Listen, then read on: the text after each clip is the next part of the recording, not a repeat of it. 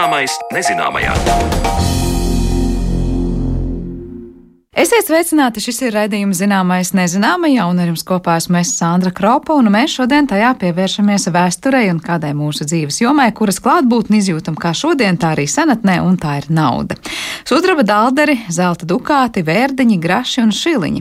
Latviešu tautas pasakās minētās monētas savulaik bija aktīvas naudas apritē un apliecina dažādās varas, kas valdījušas Latvijas teritorijā.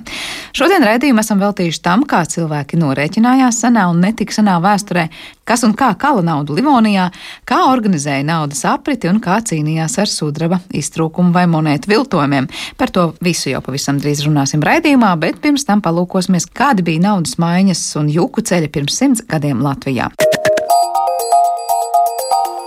Skatot naudas ceļus mūsu valstī pagājušajā gadsimtā, visvairāk tās mainījušās laika posmā no 1914. līdz 24. gadam.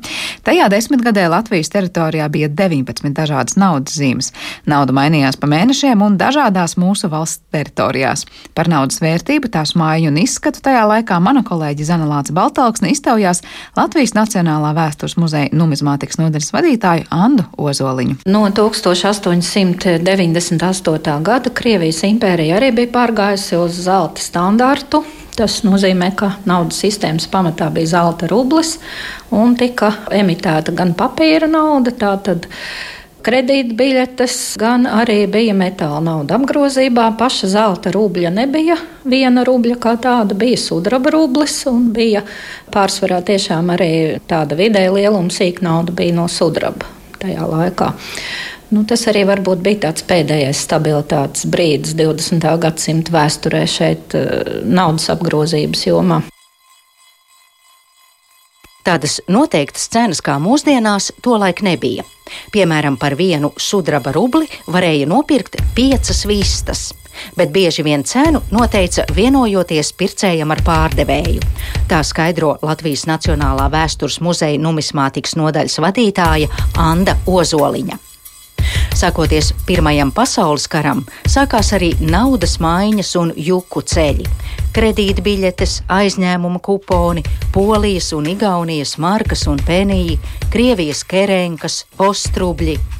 Nauda mainījās dažviet pa mēnešiem un dažādās tagadējās Latvijas teritorijās.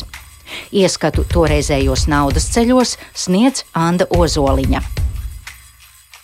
Pirmkārt, jau Pirmais pasaules karš izmainīja to, ka šī Krievijas nauda bija ar zelta segumu, arī papīra nauda. Un bija tāda drošība un uzticība naudas vienībām izveidojusies gadsimtu gaitā. Nu, Pirmais pasaules karš mainīja to, ka jau 1914. gada augustā šis zelta standarts tika atcelts. Tātad zelta seguma naudai vairs nebija. No apgrozības strauji pazuda visa metāla nauda nu, tā, tā lielākoties bija no dārgmetāliem. Un uh, pazuda arī šī vērtības sajūta, jo kara apstākļos papīra nauda tika emitēta aizvien vairāk un vairāk. Un šie milzīgi pieaugušie papīra naudas apmēri, nu, mēs jau varbūt arī no savas nesenākas vēstures atceramies to, cik mazu nozīmi mēs piešķiram. Tad, ja mums šo naudu nākās nesāt līdzi maisiņā vai kaut kā tādā veidā Izmaiņas ienes jau Latvijas teritorijā tas, ka 15. gadā Latviju sadala frontes līnija. Vācu okupētajās teritorijās apgrozībā nonāk īpaši šīm teritorijām izlaista austrumu aizdevu kases naudas vienības. Tātad vispirms tie ir ostrubļi un ostkapēkas. Ostrubļi ir papīra naudas zīmes, ostkapēkas tiek gatavotas no dzelzs. Īpaši kurzemes teritorijā apgrozībā tie nonāk vēlāk, arī tiem pievienojas 1918. gadā emitētās ostmarkas. Tātad tas ir saistīts ar vācu okupāciju. Krievijas impērijā savukārt 1917. gada februārī notiek revolūcija, nāk pie varas pagaidu valdība, kura izlaiž savus maksāšanas līdzekļus. Un mēs šeit Latvijas teritorijā ieraugam 250 un 1000 rubļu tā dēvēto domes naudu. Un savukārt mazliet vēlāk, gada otrajā pusē, parādās arī 20 un 40 rubļi, jeb tā dēvētās kerēnkas pēc eh, ministru prezidenta Kerenska uzvārda. Nu, šīs naudas zīmes arī ir apgrozībā Latvijas teritorijā. Tad, kad eh, šeit vācu karaspēks ir ieņēmis mūsu pilsētas un apgrūtinājis to saimniecisko darbību un uzlicis kontribūcijas. Šīs pilsētas ir spiestas izlaist savas pagaidu naudas zīmes, un tā tas notiek gan Liepājā, gan Jāgavā, gan Ventspilī, sākot no 1915. gada Liepājā un Jāgavā vēl pat līdz 1919. gadam. Vēl 18. gadā tiek izlaistas arī pilsētu naudas zīmes, jo vienkārši šo sīko naudas vienību apgrozībā katastrofāli trūkst. Nu, tad, protams, ir atkal vēl politiskās pārmaiņas, kas mums visu šo lietu padara raibāku, jo 1918. gada beigās eh, izveidotā padomju vara Latvijā arī grib sākotnēji lietot gan padomju Krievijas naudas zīmes šeit, šajā teritorijā. Nu, īsti neviens te tās pretī ņemt negrib vidzemē, nu, tad tiek papildus iepludināts jau minētās kerenkas, bet 1919. gadā pavasarī gan Rīgā, gan arī Cēsīs tiek izlaista padomju nauda, tā dēvētā stučkas nauda Rīgā un cēsīs e, savi aizņēmumu kuponi, kuri nu, mūsu vēsturē ir iegājuši ar to, ka uz tiem nepārprotam ir nodrukāts brīdinājums, ka viltotājus nošaus. Anna Ozoliņa rāda grāmatu Naudas laika Latvijā, kur redzams cēsu apriņķa strādnieku deputātu padomes izpildu komitejas aizņēmuma kupons. Tautiskā ārdeko stilā drukāta papīra naudas zīme - desmit rubļu vērtībā, uz kuras arī lasāms ir minētais brīdinājums.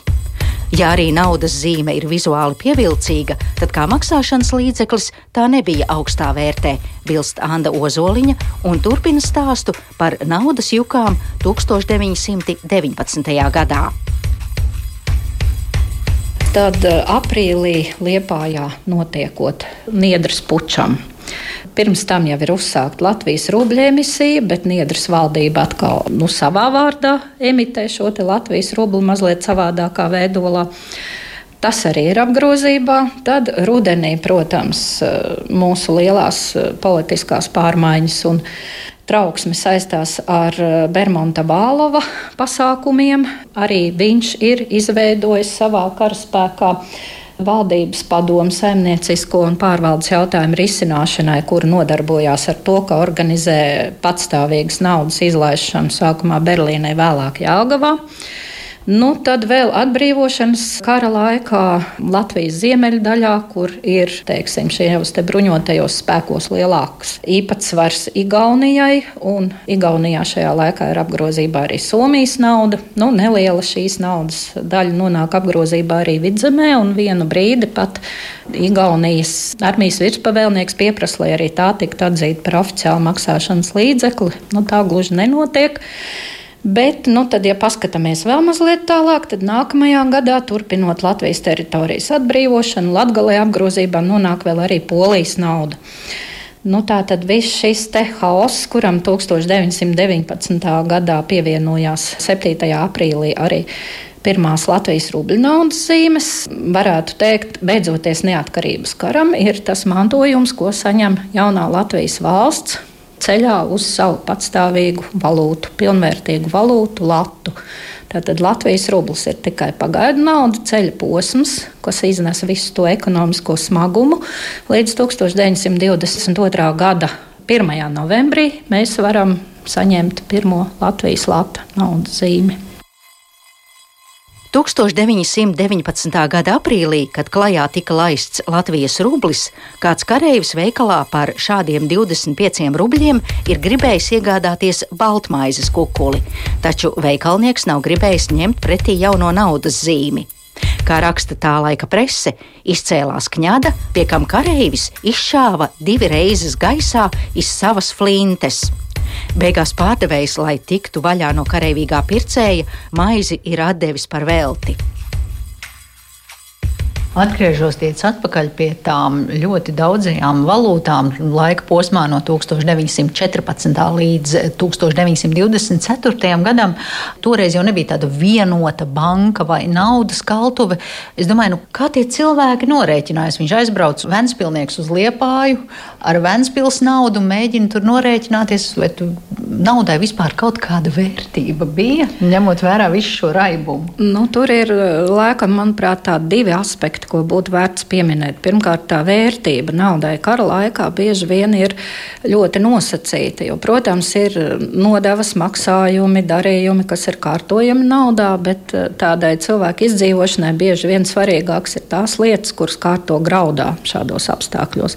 Nu, otrkārt, tajās oficiālajos norēķinos eh, šīs naudas zīmes Latvijas teritorijā funkcionē pēc eh, tādiem savstarpēji noteiktiem mainīgiem kursiem. Tātad vairākas reizes eh, mēs atrodam gan arī presē, gan dažādās vēstures anālēs ziņas par to, ka, piemēram, 1918. gada decembrī, 11. decembrī, tātad Tūlīt pēc Latvijas jaunās valsts dibināšanas pirmais oficiāli noteiktais kurs vēsta, ka viens cara rublis ir pielīdzināts 88 kopēkām. Eh, vai vienam rublim un 25 kopēkām domas naudā. Nu, Tātad tas deva kaut kādu iespēju cilvēkam orientēties un šīs vērtības salīdzināt. Bet, lai veiktu reālos darījumus, nu, tas bija ziedu laiki naudas mainītājiem. Jo, teiksim, ja piemēram Rīgā bija iecienītas vācu markas, bet vidzemē bija iecienīta Krievijas impērijas rubļi, tad cilvēkam, lai viņš varētu norēķināties Rīgā, nācās tos rubļus iemainīt pret markām. Un, un tad bija oficiāli ceļš, ko veica birža, kur varēja to izdarīt nu, varbūt ne tik ļoti izdevīgi, un ļoti daudz naudas mainītāju, oficiāli un neoficiāli kantorīšu, kur to varēja izdarīt izdevīgāk. Nu, tad nu, mums te laika biedru liecības vēsta, ka, lai nonāktu pie vajadzīgajām vācu zīmēm, Smilšu ielā parasti pulcējās daudz žīdu mainītāju, kas apturēja garām gājējus ar saviem piedāvājumiem. Tieši uz ielas mainīšana nenotika. Tur staigāja apbruņots vācu zaldāts, kam bija uzdots sekot, lai mainīšana nenotiktu. Bet mainītājs ar Krievijas naudas zīmju īpašnieku vienojās par to maiņas kursu. Pati naudas mainīšanas operācija notika biržas kafejnīcā vai namu koridoros. Bet tā bija tā laika ikdiena. Tas bija absolūti nepieciešami, lai vispār kaut kādā veidā kaut kāda ekonomika šajos apstākļos varētu funkcionēt. Runājot vēl par tā laika naudas zīmju izskatu, bija pat pastmarkas lieluma maksājumu papīri, kurus tad drukāja pa vairākām uz vienas loksnes. Un tas atkal norāda tik to, ka papīra naudai tolaik vērtības nebija. Pirmā pasaules kara laikā eh, no apgrozības eh, strauji pazuda Krievijas impērijas monētas, kuras lielākoties ir gatavotas no dārgmetāla, no sudraba. Tad par apmēram 745 miljonu rubļu vērtībā, un to vietā tiek izlaistas papīra kapeikas. Tātad pirmā emisija ir eh, pastmarku veidā. Un arī nākamā ir tādas ļoti neliela izmēra papīra naudas zīmes, kuras aizstāja apgrozībā metāla naudu šajos kara apstākļos. Un arī Latvijas jaunajā valstī tās pirmajā pastāvēšanas gadā pieņēma maksājumos legāli, gan ierobežojot to summu, kuru varēja šādās naudas zīmēs maksāt, bet arī tas bija legāls maksāšanas līdzeklis šeit Latvijas teritorijā.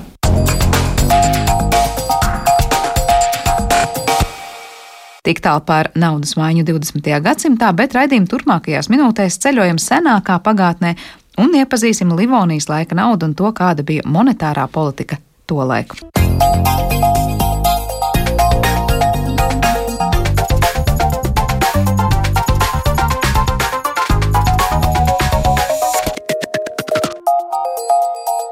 Zināmais nezināmajā. Nauda ir valoda, kuru saprota visa pasaule, taču nauda, kāda to zinām šobrīd, gājusi garu un sarežģītu attīstības ceļu. Tā kļuvusi par svarīgu varas apliecinājumu jau sen, un, ja runājam par mums tuvāko teritoriju, jau no Rīgas dibināšanas brīža. Strīdi par tās apriti un kontroli ir bijuši nemitīgi viduslaika vēsturē. Turmākajās minūtēs iepazīsim monetāro vēsturi Livonijas laikā, un tāpēc studijā sveicu Rīgas vēstures un kuģniecības muzeja krājuma darba speciālisti numizmātikas un dārgmetāla nodaļā Marinu Solovjovu. Labdien! Labrīt, labdien! Nu, ko runājot par naudu senākos laikos, un šeit pavisam, pavisam pa tuvu mūsu ter teritoriju, šeit pat radiomājā netālu ir lielā monētu iela un mazā. Vai tas liek domāt, ka šeit reiz ir bijušas naudas kaltuves vai kaut kas ar naudu nu, ļoti cieši saistīts? Uh, tieši tā. Uh, tieši šeit uh, tika ierīkota pirmā naudas, uh, faktiski otra Rīgas kaltuvē, jo uh, pirmā Rīgas kaltuvē tie ir uh, biskapa Alberta laiki jau, uh, jo vispār naudas kalšana Rīga tika uzsakta ap uh, 1220. gadu aptuveni, uh, un tad uh, tā pirmā naudas, kur atrodas pirmā naudas kaltuvē, tas nav zināms, bet lūk, tā otra naudas kaltuvē atrodas tieši tur, kur ir pašlaik. Maza monēta, iela un liela monēta. Tad no 1220. Jā. gada mēs varam teikt, šeit vecrīgā kala monētas. Kala monētas, jā. Un uh, pirms tam šeit vienkārši bija kaut kādas no citurienes ienākušās. Uh, jā, tas bija ārzemju monētas, jo pirmas monētas vispār šajā teritorijā ir, uh, tas ir romiešu monētas, kas ienāca no, uh, no vidusjūras reģiona. Uh, Bet nu, pirmās uz vietas ražotas monētas, tas ir, ir biskupa Alberta laiki. Jā. Kā toreiz izskatījās tās monētas, Jā. un arī kādā veidā tās atšķirās reģionā, nu, uz, uz reģionu? Proti, ja mēs šobrīd runājam par vienotu valūtu Eiropas telpā, piemēram, šos eiro mēs pazīstam, kā bija viduslaikos, vai var teikt, nu, tur, kur visa Livonija beidzās, tur beidzās arī konkrētas monētas, vai katrā tur Livonijas pusē bija savas monētas, kādas bija tās, ko kālu un ar ko tad tur norēķinājās? Uh, nu, pašas pirmās monētas, jā, pašas pirmās Rīgas monētas uh, izskatījās uh, tā, te bija, mm, tie bija tā saucamie brakteāti, tas bija tādas plānas monētas, uh, kur uh, attēls, uh, kuram bija, šim monētam bija apzīmogot tikai viena puse, un, proti, tas attēls uh, bija redzams savers un reversa, viens tas pats attēls. Un tur bija attēls tāds bīskaps. Uh, bīskaps ar mitru galvā, ar zīzli un, un uh, krustu nu, biskups Alberts, mm -hmm. visticamāk. Un, um, jā, un uh, līdzīgas monētas, um, kā arī citur Rietumē Eiropā, jā, arī Vācija bija līdzīgas monētas, un vispār no sākuma tā mm, naudas sistēma vietējā tika pieskaņota Gotlandes sistēmai, nu, faktiski Zviedrijas sistēmai, un vēlāk Līpikas sistēmai, nu, ja Vācu sistēmai. Līdz ar to, jā, mēs, protams, nevaram runāt par vienu valūtu, jā, to laiku nebija eiro, jā, mm. tagad, bet, nu, tomēr kaut kādas līdzības bija saskatāmas. Neapšaubāmi. Tas nozīmē, ka e, pašā Livonijas uh, kontekstā arī mēs varam teikt, ka tur bija ļoti dažādas tās monētas. No sākuma vai... dažādas, jā, um, jo galvenie tādi kalšanas centri bija uh, Rīgā, Tallinā un uh, Tartu uh, galvenie centri. Un tur jau no sākuma bija tādas atšķirības, jā, bet nu, aptuveni sākot no 1420. gadiem uh, tāda iekšpolitiska stabilitāte jau Livonijā iestājas. Un, mēs varam, varam runāt par tādu jau vienotu naudas sistēmu, kas aptvera visu šo te Livonijas teritoriju. Bet uh, kamēr nebija tā vienotā naudas sistēma, kā viņi norēķinājās, proti, izkāla monētu un pateica, tā tagad ir tik un tik vērta, un kā viņi vienojās, proti, nu, tas, kas šodien mums būtu, tur, es nezinu, viens vai divi eiro, piemēram, ja? Mm. Uh, kā viņi tur saprata, ka tās, tā monēta atbilst tieši tam un mhm. nekam citam katrā no reģioniem. Uh, nu jā, tas bija tāda mm, problēma arī viduslaikos, jo uh, bieži vien nu, uh, bija tā, ka katras monētas svars bija jāuzmin, ja, kas tas ir. Un visu to situāciju arī um, apgrūtināja tā saucama monētu bojašana, jeb monētu pasliktināšana, kā monētās samazināja sudraba saturu. Uh, nu, tā kā patvaļīgi, bieži vien, bieži vien slepeni. Valdnieks, kā viltoja? Uh, nu, it kā, jā, tas nebija īsti viltojums, bet, nu, tā, tāds puslaigāls, ne tik nozīmīgi, jā. Uh, jā, ne tik nopietni kā viltojums, bet, nu, tā, samazināja šo dārgmetāla saturu. Un monētas svārs palika nemainīgs, bet uh, sudraba saturs, uh, saturs uh, bija mazāks. Un līdz ar to, jā, monētas svārs visu laiku bija jāuzmīna, tur bija tā problēma. Un, protams, kā arī katras monētas svars var atšķirties, jo tā naudas kalšanas tehnika nebija tik, tik uh, perfekta, ja tik sarežģīta kā mūsdienās. Un, jā, liels grūtības arī sagādāja nu, saprast, cik tad sudraba ir tā konkrētā monēta. Un bieži vien to pārbaudīja nokošot monētu gabaliņu, kā mēs redzam, ja dažreiz filmās un rāda, ka tur. Jā, bet, protams, kā viduslaikos monētu, nu, tas jāatcerās, jā, ka vērtē nevis kā tādu uh, uz vērtību noradošu zīmi, ka tas ir tagad, bet kā vērtību pašu par sevi. Un līdz ar to tas vienkārši bija sudraba gabals, uh, nu, ar kaut kādu konkrētu svāru un, un provi. Līdz ar to, jā. Un tā kā mm, valdīja tāda tā kā uzticēšanās, ja, Nu, ja reiz drīzāk, jā. to maliņu. Protams, jā, tāpēc arī uz monētām attēlojot tur, teiksim, kaut kādus ā, sakrālus simbolus, krustu, tur ģerboni, jo it kā tas ā, zemes kungs, viņš ka- it kā garantē šo te, mm, nu, ka, tā, ka šī monēta ir, ir, ir laba, teiksim tā.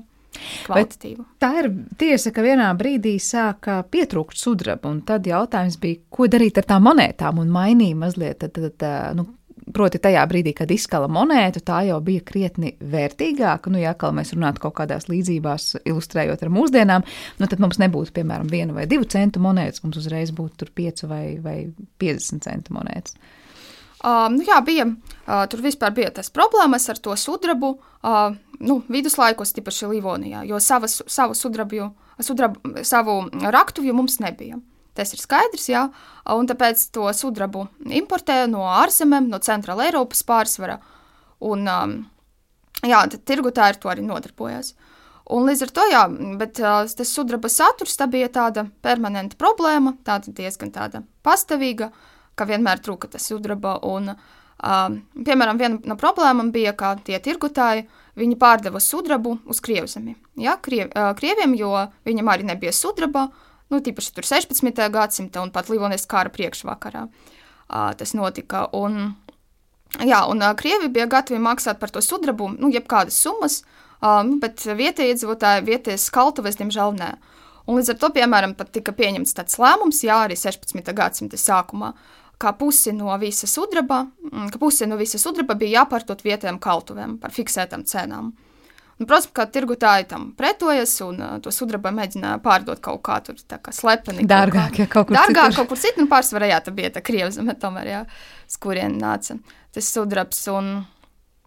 Nu jā, un līdz ar to tur bija tāds aburtis loks, jo viņi pārdod sudrabu, uh, sudrabā mm, cena palielinās šeit uz vietas, un jo grūtāk ir to sudrabu nopirkt, un līdz ar to jā, tāds aburtis loks, no kurā viduslaiku cilvēki, nu, vienkārši nemacēja izkļūt nezināja. Bet kā viņi izkļuva, kāds bija tas risinājums? Uh, nu, mēģināja atkal um, mazināt sudraba saturu monētās, jā, bet, nu, atkal, kā jau minēju, jā, tas bija aburtis loks, bet klasiskais tāds paņemiens bija jā, mazināt sudraba saturu.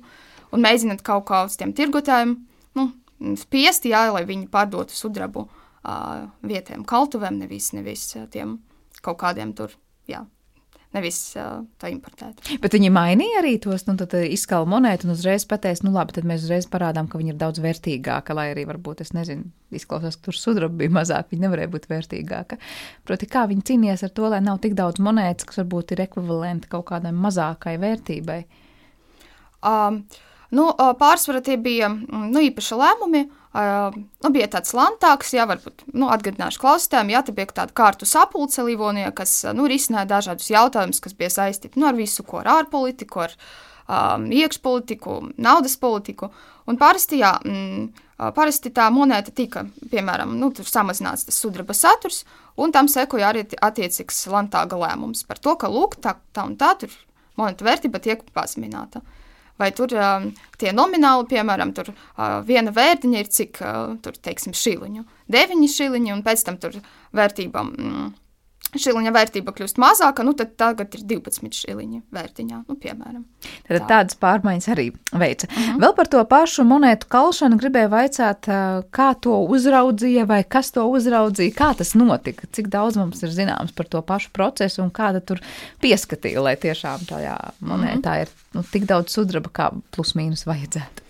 Uh, nu, kopumā uh, jāsaka to, ka pašas naudas kalšanas tiesības piederēja tiem zemeskungiem, proti bīskapiem un uh, Livonijas ortiņmestram.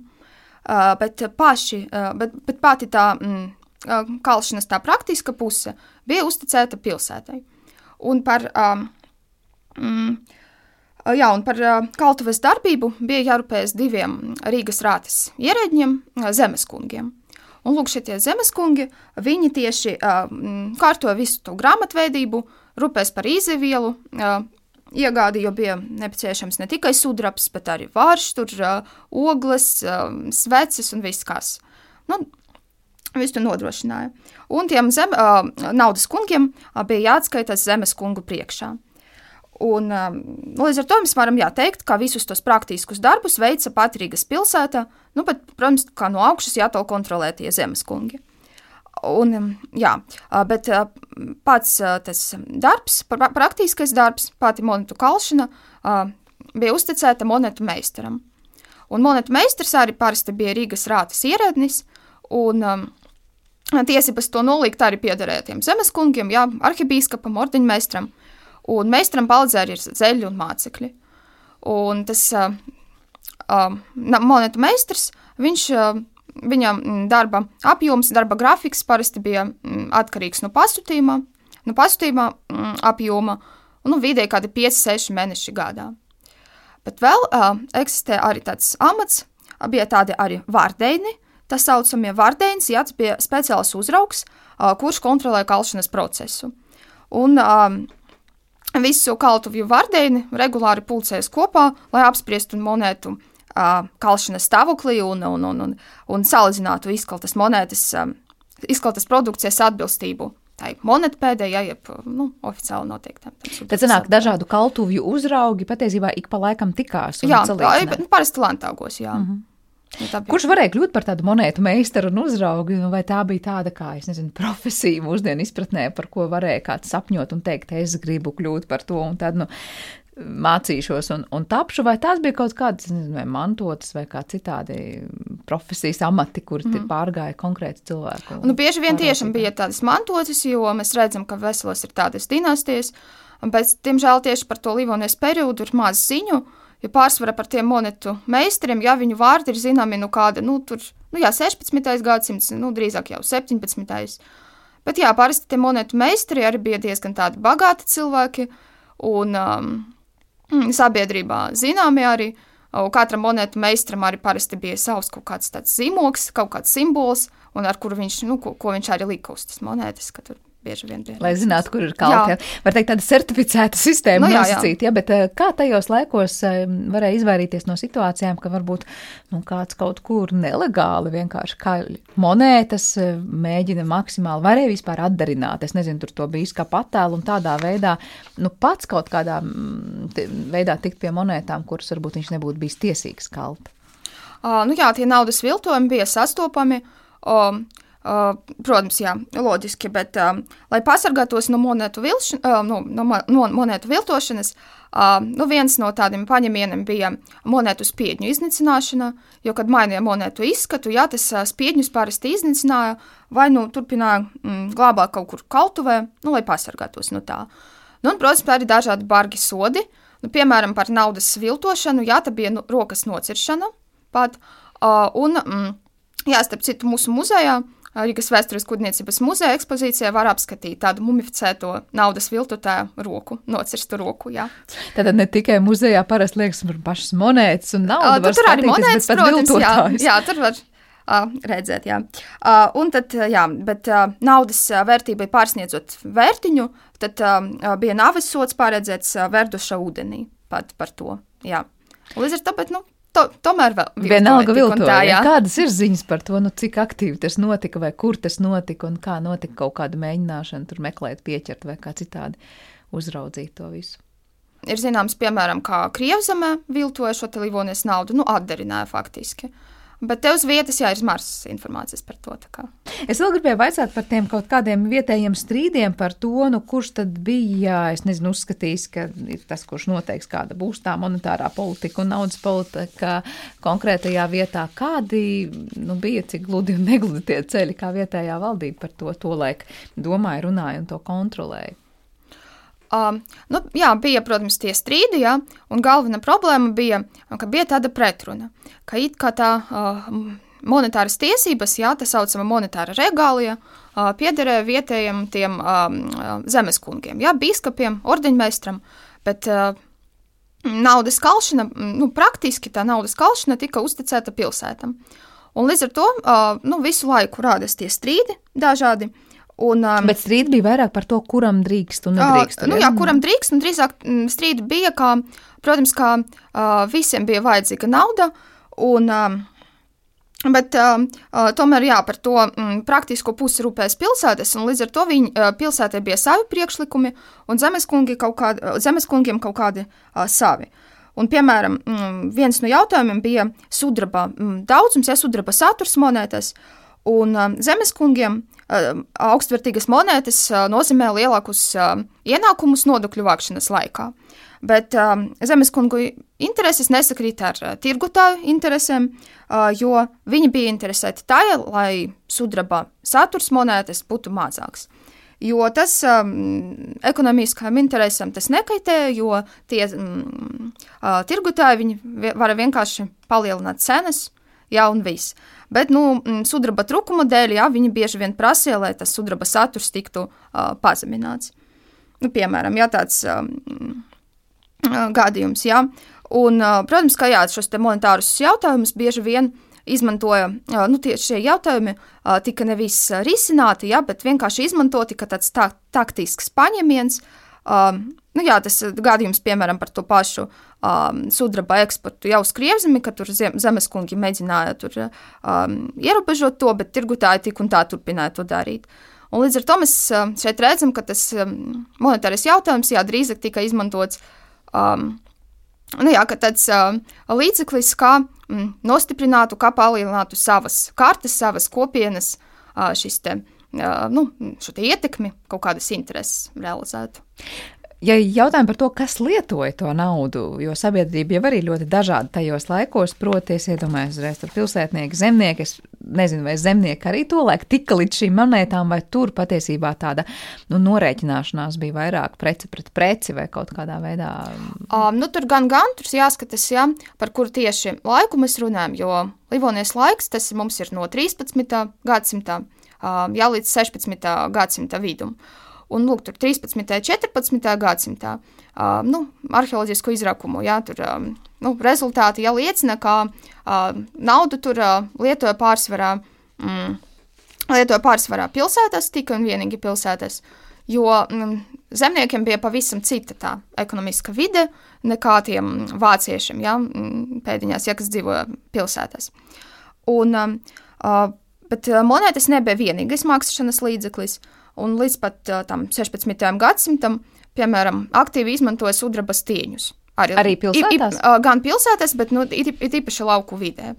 Un, protams, jā, tie sudraba stieņi bija ļoti tāda ērta lieta, jo lieliski noderēja lieliem tādiem darījumiem, nu, ar tiem pašiem zemniekiem, ja tur kaut kādas bija, nu, kaut kādas preces, jā, kaut kādas tur, nezinu, graudi, kaut kādi uh, medus, vasks un tādas lietas. Un, protams, kā um, aizvietoja sudrabu periodus, kad tā nauda netika kalta vispār. Um, Un, um, turklāt sudraba stieņi nodrošināja arī ticamāku sudraba saturu, jo tomēr tas bija tāds sīrs sudrabs. Un to mm, arī ērti sagriezt un nogriezt kaut kādu gabaliņu no tā sudraba stieņa. Nu, jā, par to lauku vidi, bet, bet jau 16. gadsimtā arī monētas, kaltas monētas ienāk arī zemnieku dzīvē, jo tā tirsniecība starp laukiem un pilsētu kļūst aktīvāka, un um, zemniekiem bija jāmaksā arī um, saviem kungiem arī naudas nodevas.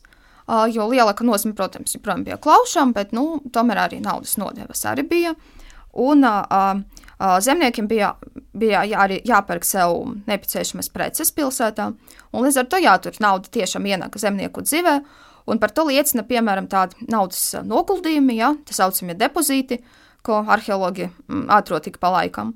Nu, tā nauda, kas, jā, nauda no zemes, jā, un, un, jo, ja tā padomā, jā, tad loģiski, ka bagāti tirgotāji un kaut kādi tur mužnieki, garīdznieki viņu savu, savas monētas, savu naudu glabāja kaut kur, nu, pilīs, piemēram, baznīcas, tur savas mājās, bet, nu, lūk, nevis zemē. Ja zemē, tad tie visticamāk zemnieki, un par to liecina arī šo depozītu sastāvs, kā bieži vien uh, tur ir gan viltojumi sastopami, un tas uh, bieži vien tas summa arī nav pārāk liela.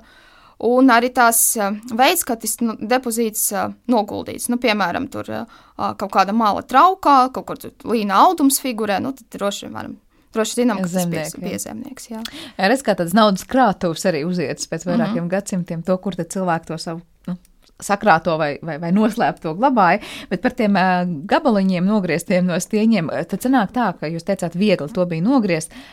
Kā tas praktiski varēja izpausties? Zemniekam, piemēram, ir kaut kāds pat zemniekam šis stieņš, un tagad viņš izdomās, ka man vajag par kaut ko norēķināties, bet tas ir, nezinu, puse no stieņa ekvivalents.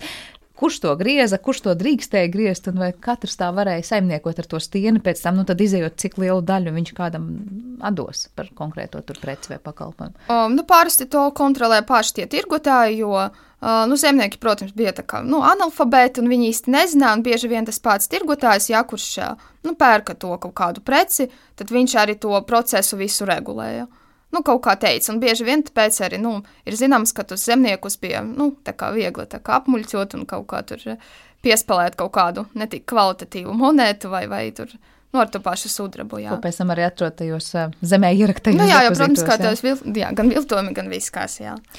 Jā, droši vien visos laikos uh, cilvēki ir domājuši, kā mēģināt izdevīgāk sev par labu ar to naudu darboties un uh, neiztikt arī bez naudas viltotājiem un tiem, kas savukārt iedod viltojumus, domādam, ka tie būs īsti nauda. Bet es vēl gribēju precizēt, ko varēja nopirkt par kaut kādām konkrētām, es nezinu, sudraba stieņu daļām vai, vai monētām. Te minējāt, piemēram, nu, tad, kad zemniekam vajadzēja norēķināties par kaut ko, vai ir mums zināmi kaut kādi, es nezinu, pieraksti, kas pasaka, cik kas tad bija ekvivalents kam?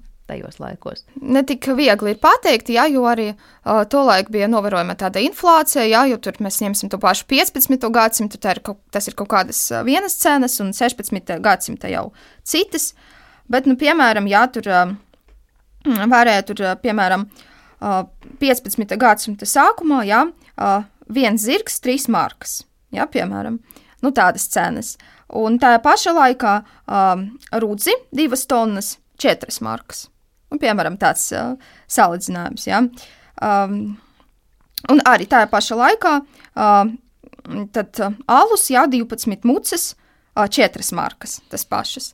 Nu, jā, līdz ar to tad, uh, nu, jā, tā naudas sistēma bija diezgan, kā minēju, sarežģīta, ka tur bija markas, pēc tam vērtiņi, šīliņi, fēniņi, un līdz ar to, jā, tie, tie, visi nomināli nebija sabalansēti, un līdz ar to bija tādas arī grūtības ar tām cenām. Nu, precīzi Patiesībā noteikti, šobrīd noteikti, kas bija vērtīgāks vai mazāk vērtīgs tajā brīdī, kad mainījās, lūk, piemēram, tie tur šiliņi un vērtiņi un tā tālāk, ja, patiesībā ir grūti izsakot arī pētniekam, nu, kas tad, cik, cik kas bija un, un kas par ko maksāja vai pārmaksāja kādā brīdī un cik ļoti pārmaksāja. Nu jā, tur jāskatās vienkārši, kā ļoti daudz ir to avotu, jāsako līdzi tam visam naudas reformam, kā mainījies tie kursi, un līdz ar to jā, tur viena marka tur 15. gadsimtā, jā, tā nav tāpat viena marka tur 16. gadsimtā. Nu, jā, un runāt jā, par tām pašām cenām, uz nu, visu laiku jāskatās. Un arī bija tāda problēma viduslaikos, nu, tīpaši, ja, kad mēs lasām kaut kādus avotus, ka tā marka, piemēram, kā, nu, kā, kā jēdziens, ja, marka, tā bija apricina marka, marka kā monēta, marka kā, sud, kā, kā svārs. Nu, līdz ar to tur bieži vien grūti saprast, kas ir domāts ar to vienu marku. Es tieši par pētniecību vēl sarunas noslēgumā gribēju pavaicāt. Es saprotu, ka pašai arī ir tāds pamatīgs raksts, vai ne? Tāpis, nu, ir raksts, jā, ir ma maģistra darbs, jā, par šo tēmu. Kas ir tie galvenie jautājumi, kas pašu interesēja un kas tālāk vispār notiek pētniecībā par Livonijas laika naudu Latvijā? Mm. Uh, nu, pašlaik nav daudz to pētnieku, jā. Uh, agrāk, jā, mums bija tāda pētniece Tatjana Berga, tagad Kristīna Ducmene. Uh, Latvijas Nacionālajā muzejā. Bet vispār jā, tēma nu, galīgi nav populāra šobrīd, bet arī varbūt arī tas arī ir labi, jo ir nu, perspektīvas jā, tādas un, un, un daudz jautājumu joprojām. Un pašlaik es pētu tā, naudas apgrozību tieši Livonijā, tad kādu naudu lietoja, un tā, tas, nu, tas pats jautājums arī par tām cenām. Un, um, Nu jā, līdz ar to, vai tomēr bija tā pārsvara lieta vietēju naudu, vai tur bija drīzāk ārzemju nauda. Un jā, līdz ar to jautājumu ir, nu, ir daudz. Ir daudz jā, Bet, par tiem viltojumiem jā. arī. Jā. Par to ārzemju naudu un vietējo naudu runājot, var teikt, ka uh, paralēli pastāvēja abas divas kaut kādā brīdī, vai visu laiku, nu, kā miedarbojās šī nauda, kas bija no ārzemēm kalta un, un, un šeit vietējā? Uh, nu, lietoja gan, gan vietējo naudu, gan, gan um, ārzemju, ja, nu, mm, kad sava nauda netika kalta, tad, izm tad izmantoja attiecīgi to ārzemju. Um, at, at, nu, ārzemju monētas. Bet tas bija grūti pielīdzināt. Uh, diezgan grūti, jā, mēs redzam arī tajos, nu, tur lantāgu visi tie protokoli un tā, ka tur mēģināja to visu sistēmu kaut kā pieskaņot vietēji un sabalansēt tos kursus. Ja tipiši problēmas bija ar zelta naudu, jo, protams, kā te uz vietas kāla tikai sudraba nauda. Nu, zelta nauda arī bija, bet tas bija, bija drīzāk nevis kā monētas, bet tādas nu, simboliski, tādi priekšmeti, tādi nu, reprezentācijas nolūki. Bet izskatījās vairāk kā monētas kaut kādas vai nu, jā, bija, stieņi vai kaut kas nē, nē, tāds? bija arī tas uh, zelta monētas pie uh, Voltera von Plettenberga laikos, jā, viņš kāla šādu naudu, bet tā bija drīzāk nu, tāds uh, statusa kaut kāds apliecinājums, nevis apgrozības naudas. Jā, bet tie kursi jā, nebija sabalansēti un bija ar to problēmas, ka nāca tie guldeņi, tie tā zelta nauda no Rietumu Eiropas. Bet, nu, jā, vietējā sistēma bija tur. Nu, bija diezgan grūtības, liels jā. grūtības. Pārsteidzoši, kā vispār ļaudis to laiku orientējās tajā, kāda bija tā sistēma un kas cik maksāja un kas bija ekvivalents. Tur, laikam, tiešām netrūka arī gadījumi, kad cilvēki pārmaksāja krietni par to, ko kaut ko iegādājās. Jo vienkārši tā sistēma izklausās bija ļoti, ļoti sarežģīta arī.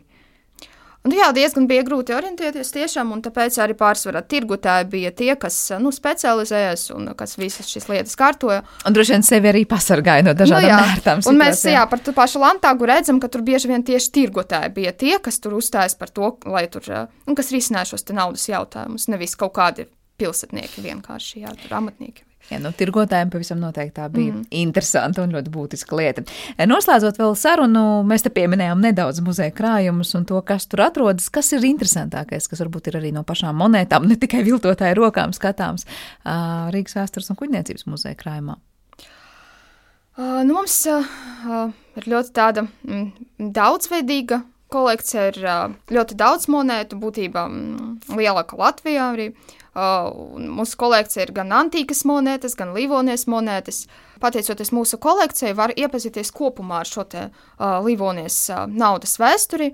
Uh, jā, no, no pašiem pirmsākumiem uh, līdz pat Livonijas sabrukumam, un uh, kolekcija pārstāvētas gandrīz visas monētas, ka visu šo vēsturi var izsekot tā, no sākuma līdz, līdz Līdz, līdz, līdz Livonijas galam. Un Jā. kas notiek tad, kad sabrūk, nu, beidz pastāvēt Livonija, kas notiek ar to naudu? Tā vēl kaut kādu laiku turpina dzīvot savu dzīvi, vai tā tiek kaut kur, es nezinu, aprakta pazudusi, nolikta? Kas o, ir nē, zināms? Tā turpināja lietot, jā, arī visu to 16. gadsimtu, jo Livonijas sabrukums, jā, tas mums ir 16. gadsimta vidus.